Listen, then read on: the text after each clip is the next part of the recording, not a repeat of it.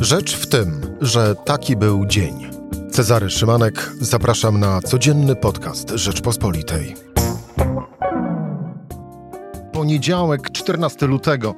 12 milionów złotych miała kosztować kampania żarówkowa. Były premier Jerzy Buzek nazywa ją uniwersalną manipulacją, a Fundacja Instrat wskazuje w swoim raporcie, że to polskie elektrownie kasują za prąd jak za zboże, bo marże sięgają 40%. Co jest prawdą, a co fałszem? O tym w rozmowie z Bartłomiejem Sawickim. Rzecz w tym, że zapraszam Cezary Szymanek. Słuchaj na stronie podcasty.rp.pl. Włącz Rzecz w tym w serwisie streamingowym. Bartłomiej Sawicki, dział ekonomiczny Rzeczpospolita. Bartek, dzień dobry. Dzień dobry. Czyli nasz e, specjalista od e, rynku e, energetycznego w redakcji.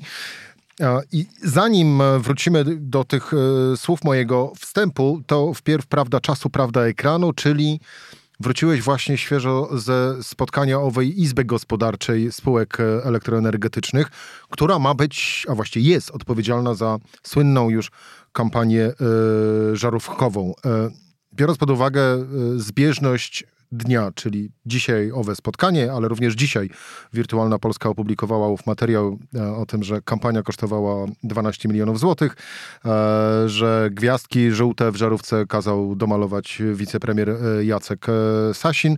No więc panowie się tłumaczyli, czy przepraszali, czy co robili? Starali się tłumaczyć, argumentować, i podkreślać, że warto było mimo wszystko tą kampanię e, przeprowadzić. Faktycznie 12 milionów złotych zostało potwierdzone na tym, na tym spotkaniu. Taka kwota padła. Mm, jeśli chodzi o tezę zawartą w tej słynnej niebieskiej żarówce, bo przypomnijmy, tych żarówek mamy bardzo dużo i zresztą widzimy to na rachunkach naszych za energię elektryczną. No tak, ale mówimy o tej podstawowej niebieskiej żarówce z żółtymi gwiazdkami, gdzie jest wskazane 60% i 40%. 60% to ma być ta opłata klimatyczna, która z kolei odpowiada za, e, jest zawarta w cenie produkcji energii elektrycznej. Dokładnie tak, chociaż opłata klimatyczna to też jest nadużycie, bo opłata klimatyczna tak, tak naprawdę jest zupełnie inna opłata, ale to jest nazwijmy to językowe uproszczenie dla zrozumienia e, przez społeczeństwo tematu. 60% kosztów e, energii spółki argumentowały to wykazując koszty produkcji energii przy zakupie cen uprawnień do emisji CO2, które każda elektrownia musi kupić, aby wyprodukować kilowatogodzinę prądu. I faktycznie, patrząc na same te wyliczenia, można dojść do wniosku, że te 60% faktycznie jest prawdą, ale mówimy o kosztach energii. A zdanie, które jest poniżej i do którego właśnie towarzyszenie już raczej nie miało argumentów, aby... Wyjmijmy to zdanie, brzmi ono polityka klimatyczna Unii równa się e, droga, energia, wysokie ceny. I to zdanie sugeruje odbiorcy, że może ono oznaczać, że tyle właśnie płacę swoim rachunku za energię elektryczną miesiąc w miesiąc. A tak nie jest. Tak nie jest, bo te opłaty są znacznie mniejsze. One wahają się od 20 do 30%. Wszystko zależy od tego, ile kosztuje produkcja energii elektrycznej, a to znowu zależy od tego, ile kosztuje cena uprawnień do emisji CO2, a ta jest bardzo, bardzo różna. Jeśli jeszcze rok temu było to ponad 30 euro za, e, za tonę, teraz to już jest około 90, choć troszeczkę spadło poniżej tego poziomu. No tak, niektórzy tak naprawdę już odliczają dni do momentu, kiedy przekroczy tą magiczną ba barierę 100 euro. E, Bartek, to wobec tego po co było dzisiejsze to spotkanie e, branży energetycznej, autorów owej kampanii? Mam wrażenie, że ono miało na celu dziennikarzom zajmującym się energetyką, ale nie tylko, wytłumaczyć, jaki był tak naprawdę sens. Może faktycznie w sposób, w jaki to zrobiono, budzi kontrowersje mówiąc delikatnie, to faktycznie sam sens mówienia o reformie systemu ETS to już nie tylko i wyłącznie kwestia spółek, które cierpią z tego powodu, ale także, co słyszymy i czytamy chociażby w naszym dzisiejszym e, wywiadzie z profesorem e, Jerzym Buskiem, że postulat reformy systemu ETS jest coraz mocniej rozumiany nie tylko w Polsce, ale także na arenie międzynarodowej, bo warto wspomnieć, że pod postulatami profesora Buzka, tożsamymi, podpisuje się także Niemiec tej samej e, partii europejskich chadeków, co profesor Buzek. Więc widać wyraźnie, że ta dyskusja dotycząca reformy systemu ETS faktycznie ułomnego systemu, faktycznie, który wynika mm, wiele e, przeciw e, wyzwań dla, naszego, e, dla naszej energetyki, należałoby faktycznie zreformować. Tylko pytanie, czy forma komunikacji ze społeczeństwem była najszczęśliwsza dobrana. No, Wydaje mi się, że z tym można dyskutować. No właśnie, tym bardziej, że o ile społeczeństwo w jakikolwiek sposób będzie uczestniczyć w reformie systemu ETS, bądźmy szczerzy, owa kampania, to jednak nie jesteśmy chyba odosobnieni w przecież w owej opinii. Tak naprawdę miała przede wszystkim e, w dosyć perfidny sposób. Zresztą nawet takiego słowa dzisiaj używa profesor Jerzy Buzek e, w twoim notabene wywiadzie e, z nim na łamach e, Rzeczpospolitej. Ta kampania w dosyć perfidny sposób przedstawia rzeczywistość, a właściwie zakłamuje ową e, rzeczywistość i wprowadza Polaków w błąd. Ale Bartek, wracając jeszcze do cen, bo do systemu ETS za chwilę, za chwilę przejdziemy, ale wracając do E, do cen energii elektrycznej. To dziś e, Fundacja Instytut Instrat, e, Fundacja Instrat przedstawiła raport i w nim czytamy, że w grudniu 2021 roku marża typowej elektrowni na węgiel kamienny wzrosła do 340 zł za megawattogodzinę, co stanowiło około 41% giełdowej ceny energii. Jak ma to rozumieć zwykły Polak, który, dla którego wiedza o prądzie kończy się na gniazdku?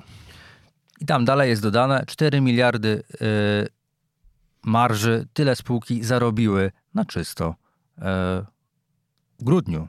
Czyli wówczas, kiedy cena energii, do cena uprawnień do emisji CO2 była rekordowo wysoka.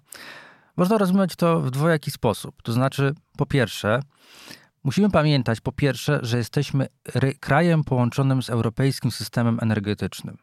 Jeśli w Niemczech brakuje prądu, to Niemcy importują prąd z Polski. Jeśli w Polsce brakuje, to my importujemy z Niemiec, ze Szwecji czy z jakiegokolwiek innego kierunku z krajów Unii Europejskiej. I tak też miało miejsce w ubiegłym roku. Wówczas cena gazu, jak doskonale pamiętamy, sięgała horrendalnych poziomów, kilkaset procent więcej.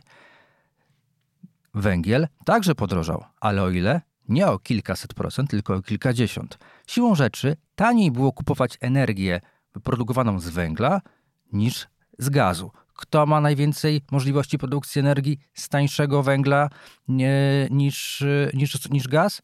Polska. Dlatego też Niemcy importowały na potęgę e, energię elektryczną z Polski w trzecim i czwartym kwartale ubiegłego roku. Trudno zarzucić spółkom, tu wystąpię trochę w roli adwokata diabła, że chciały sprzedawać energię. Jeśli był popyt, to dlaczego nie produkować? Dlaczego nie zarabiać? Stąd wynika ta marża, że po prostu było bardzo duże zapotrzebowanie na tą energię. Trudno winić e, polskie elektrownie, że odpowiadały na zapotrzebowanie kraju sąsiedniego, jakim były Niemcy, czy, czy każde inne, czy chociażby e, Czesi, czy, czy Słowacy. I to wydaje mi się jest klucz do zrozumienia czym jest energetyka generalnie. Bo my mówimy o żarówce, która ma 60%, 40%. Liczby nie są ważne, bo gubimy kontekst. A kontekst jest jaki? Musimy pamiętać, że energetyka nigdy nie jest czarno-biała, nigdy nie jest zero-jedynkowa. Jeśli ktokolwiek chce mówić, że wina jest opozycji lub wina jest Unii Europejskiej, mówi nieprawdę. Dlaczego? Bo, kwestii, bo gdzieś ta prawda leży po środku. A to nie da się pokazać w billboardzie. E, pojawiła się taka grafika w tym weekend, w ten weekend pokazująca taka, można powiedzieć, najbardziej rzetelna żarówek ze wszystkich. I tam były 7 czy 8 elementów składowych z tej żarówki. I tam też oczywiście była cena uprawnień do emisji CO2. Tylko tam wynikało to właśnie około 20-30%. Dlaczego ta grafika się nie sprzedaje? No bo przecież kto będzie czytał 7 czy 8 punktów, jak ma tutaj jeden punkt, że to jest 60%. Co się będzie sprzedawać? Oczywiście niebieska żarówka, a nie żarówka bardziej złożona.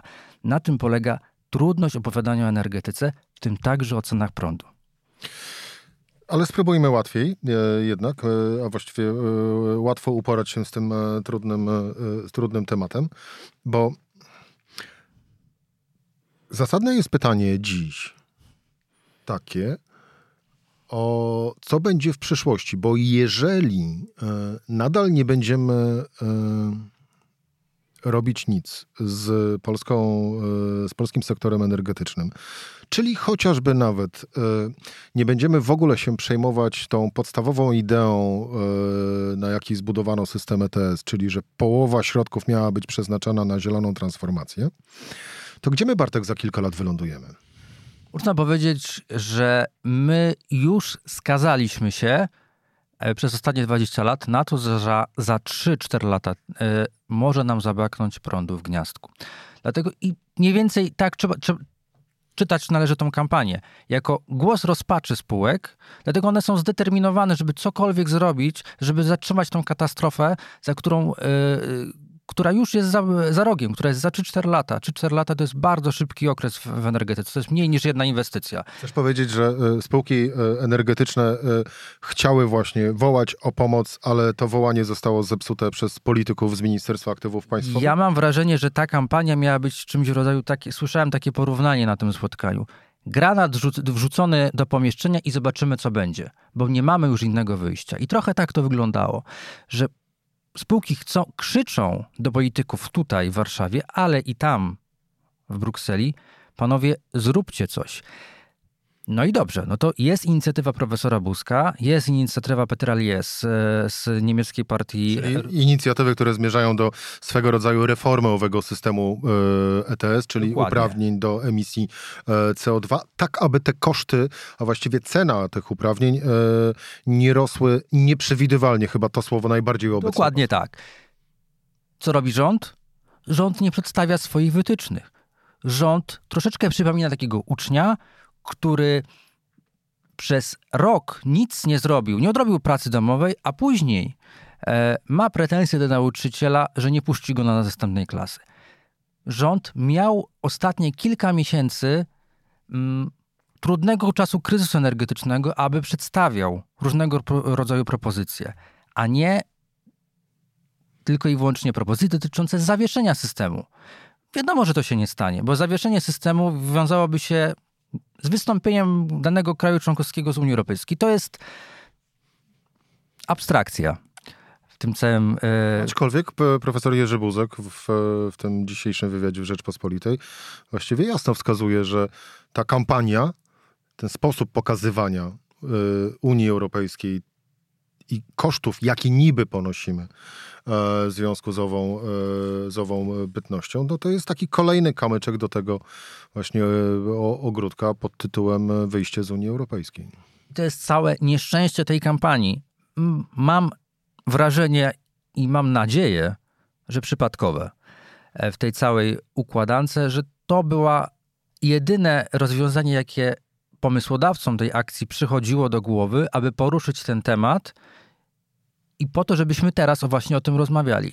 Bartek, dobrze, to, e, ale wróćmy teraz e, do e, z kolei poprzedniego wątku, czyli brak prądu w gniazdkach za 2, 3, 4 lata. To jasno wytłumaczmy słuchaczom. Prądu może zabraknąć, bo... Ponieważ w roku 25 kończy się tak zwany rynek mocy. Rynek mocy to system wsparcia dla elektrowni węglowych głównie, ale nie tylko oczywiście, ale mówimy głównie o elektrowniach węglowych, po to, żeby one mogły być w dyspozycji, jeśli będzie takie zapotrzebowanie, które zgłoszą polskie sieci elektroenergetyczne, a więc cały operator systemu elektroenergetycznego. Płacimy poprzez rynek mocy spółkom, aby utrzymywały w gotowości te bloki. Zresztą w rachunku za cenę prądu mamy opłatę mocową. Już w tym roku, w ubiegłym także mamy tą opłatę w postaci rynku mocy. I to wydaje się, nawet kiedy ten mechanizm przyjmowano głosami także opozycji kilka lat temu, wydawał, wydawał się rozsądny mechanizm. Problem polega na tym, że mechanizm był szyty 4 lata temu, momencie, a teraz mamy sytuację, kiedy polityka klimatyczna znacznie przyspieszyła. Przyspieszyły także ceny uprawnień do emisji CO2. I ten mechanizm spowoduje e, w 25 roku te starsze elektrownie węglowe z lat 60., 70., pamiętających czasy jeszcze Gomułki, czasy Gierka, nie będzie już mo można ich zmodernizować, bo skończy się po prostu ich żywotność. Będą musiały przejść na zasłużoną emeryturę. Co w zamian? Luka. My nie mamy w tym momencie nowych mocy, które mogłyby wejść do systemu. W ubiegłym roku rzutem na taśmę udało się ogłosić aukcję e, znowuż tak zwanego rynku mocy, aby w 2026 roku były nowe moce, głównie gazowe. Jeśli uda się te, ten, e, te plany inwestycyjne zrealizować, możemy uciec e, spod objęć kata.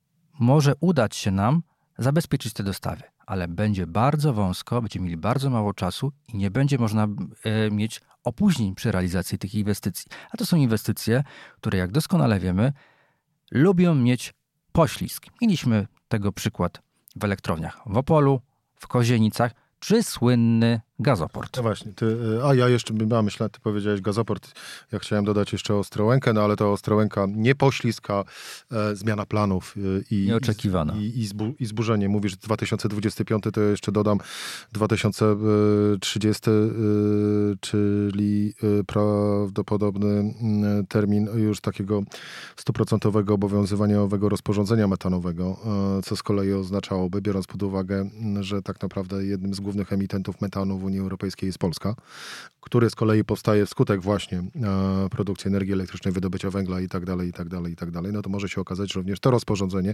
zamknie wszystkie pozostałe elektrownie.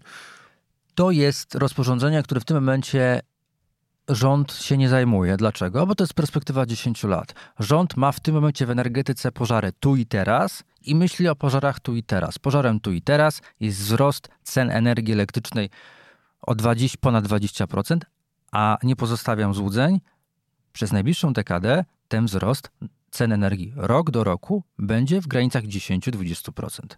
Nie ma innej opcji. Płacimy za błędy zaniechań przez ostatnie 20 lat. Właśnie, bo mówisz, że gasi pożary tu i teraz, ale tak naprawdę tych pożarów by nie było, gdyby od 2005 roku, czyli gdy wszedł system ETS, e, politycy różnych opcji politycznych hmm. zajmowali się na poważnie sektorem energetycznym i całą transformacją na zieloną energię.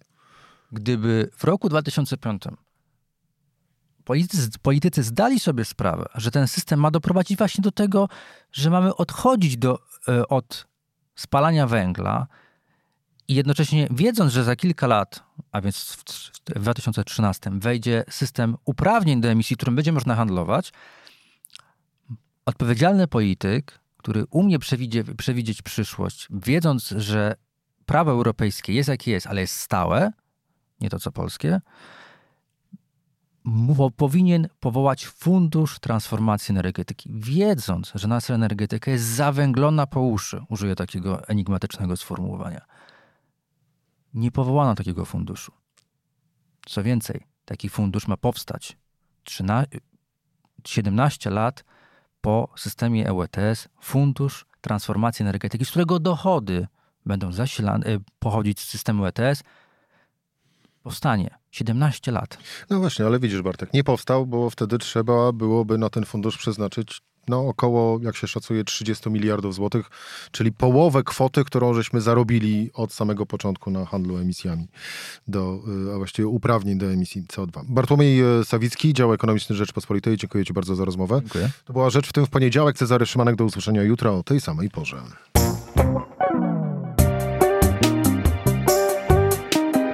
Rzecz w tym to codzienny program Rzeczpospolitej. Od poniedziałku do czwartku o godzinie 17. Słuchaj na stronie podcasty.rp.pl. Włącz Rzecz w tym w serwisie streamingowym.